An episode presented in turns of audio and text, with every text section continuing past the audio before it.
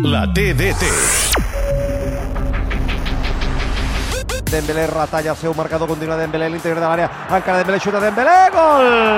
Ha marcat Dembélé! Ha fet aquella jugada que dius va, xuta, va, xuta i el dribla, va, xuta i el dribla, però avui ha xutat la pilota suau gairebé a l'arrel del pal de Fernando Alba. A la banda esquerra fa la centrada, Jong, gol! Frenkie de Jong aprofitant la rematada anterior d'Ansu Fati que a boca de canó ha rematat el cos de Fernando que ha tingut una gran intervenció però en la segona intervenció Frenkie de Jong marca el segon del Barça com si fos un ariet, com si fos un nou, com si fos un killer.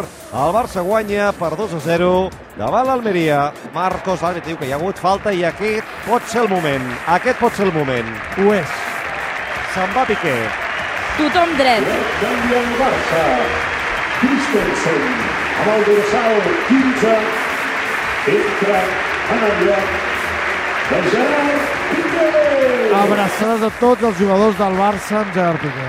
La llotja d'en Peus aplaudint. i Gerard Piqué, que ja és a l'àrea tècnica, s'abraça amb Carles Naval, també ho fa amb Xavi, i saluda per última vegada als aficionats d'aquí al Camp Nou. Tota la banqueta dreta del Barça també. Ara s'abraça un a un Gerard Piqué amb tots els membres de la banqueta i l'estaf del Barça que han baixat.